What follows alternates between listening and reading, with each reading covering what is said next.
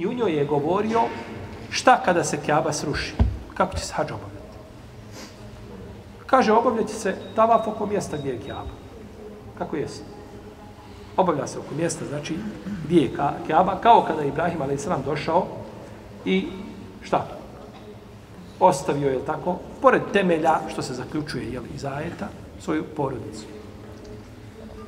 Dobro, je dozvoljeno nekome danas od nas da odvede svoju ženu, dijete na Lašić, negdje kod gore, igman, i ostavi, kaže, Allah neće ostaviti svoje robove na cedilu. i okrene se i dovi, Allah dragi, ja sam nastanio moje potomke, na tom i tom mjestu ti obskrbi. Pa dozvoljeno.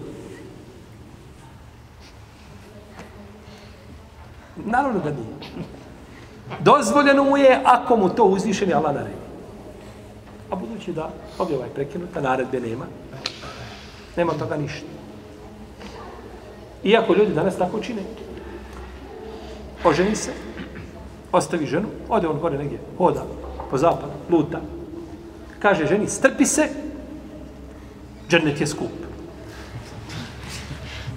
Ostavi je bez kirije, bez, bez, bez para, bez, bez ičega, osiguranje možda nema, zastano. I ode on hoda gore, a njoj kaže šta ti se strpi. Kaže Allah, neće svoje robove ostaviti. Ne, ti se strpi gore, a njoj omoguće ovdje da živi kako treba. I onda nam priča te priče. Jeste tačno uzvišen Allah, neće ostaviti svoje robove. Ali tebe uzvišen Allah zadužio da je izdržavaš. I to što se ostavio samo u stanu, zatvorenom stanu, i ništa, ni, nema šikve obaveza drugi prema njoj, to nije dovoljno.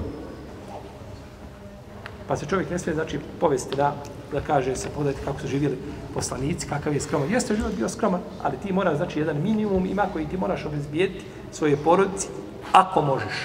A ako ne možeš uzvišeni, Allah je duži čovjeka mimo njegovih, mimo njegovih mogućnosti.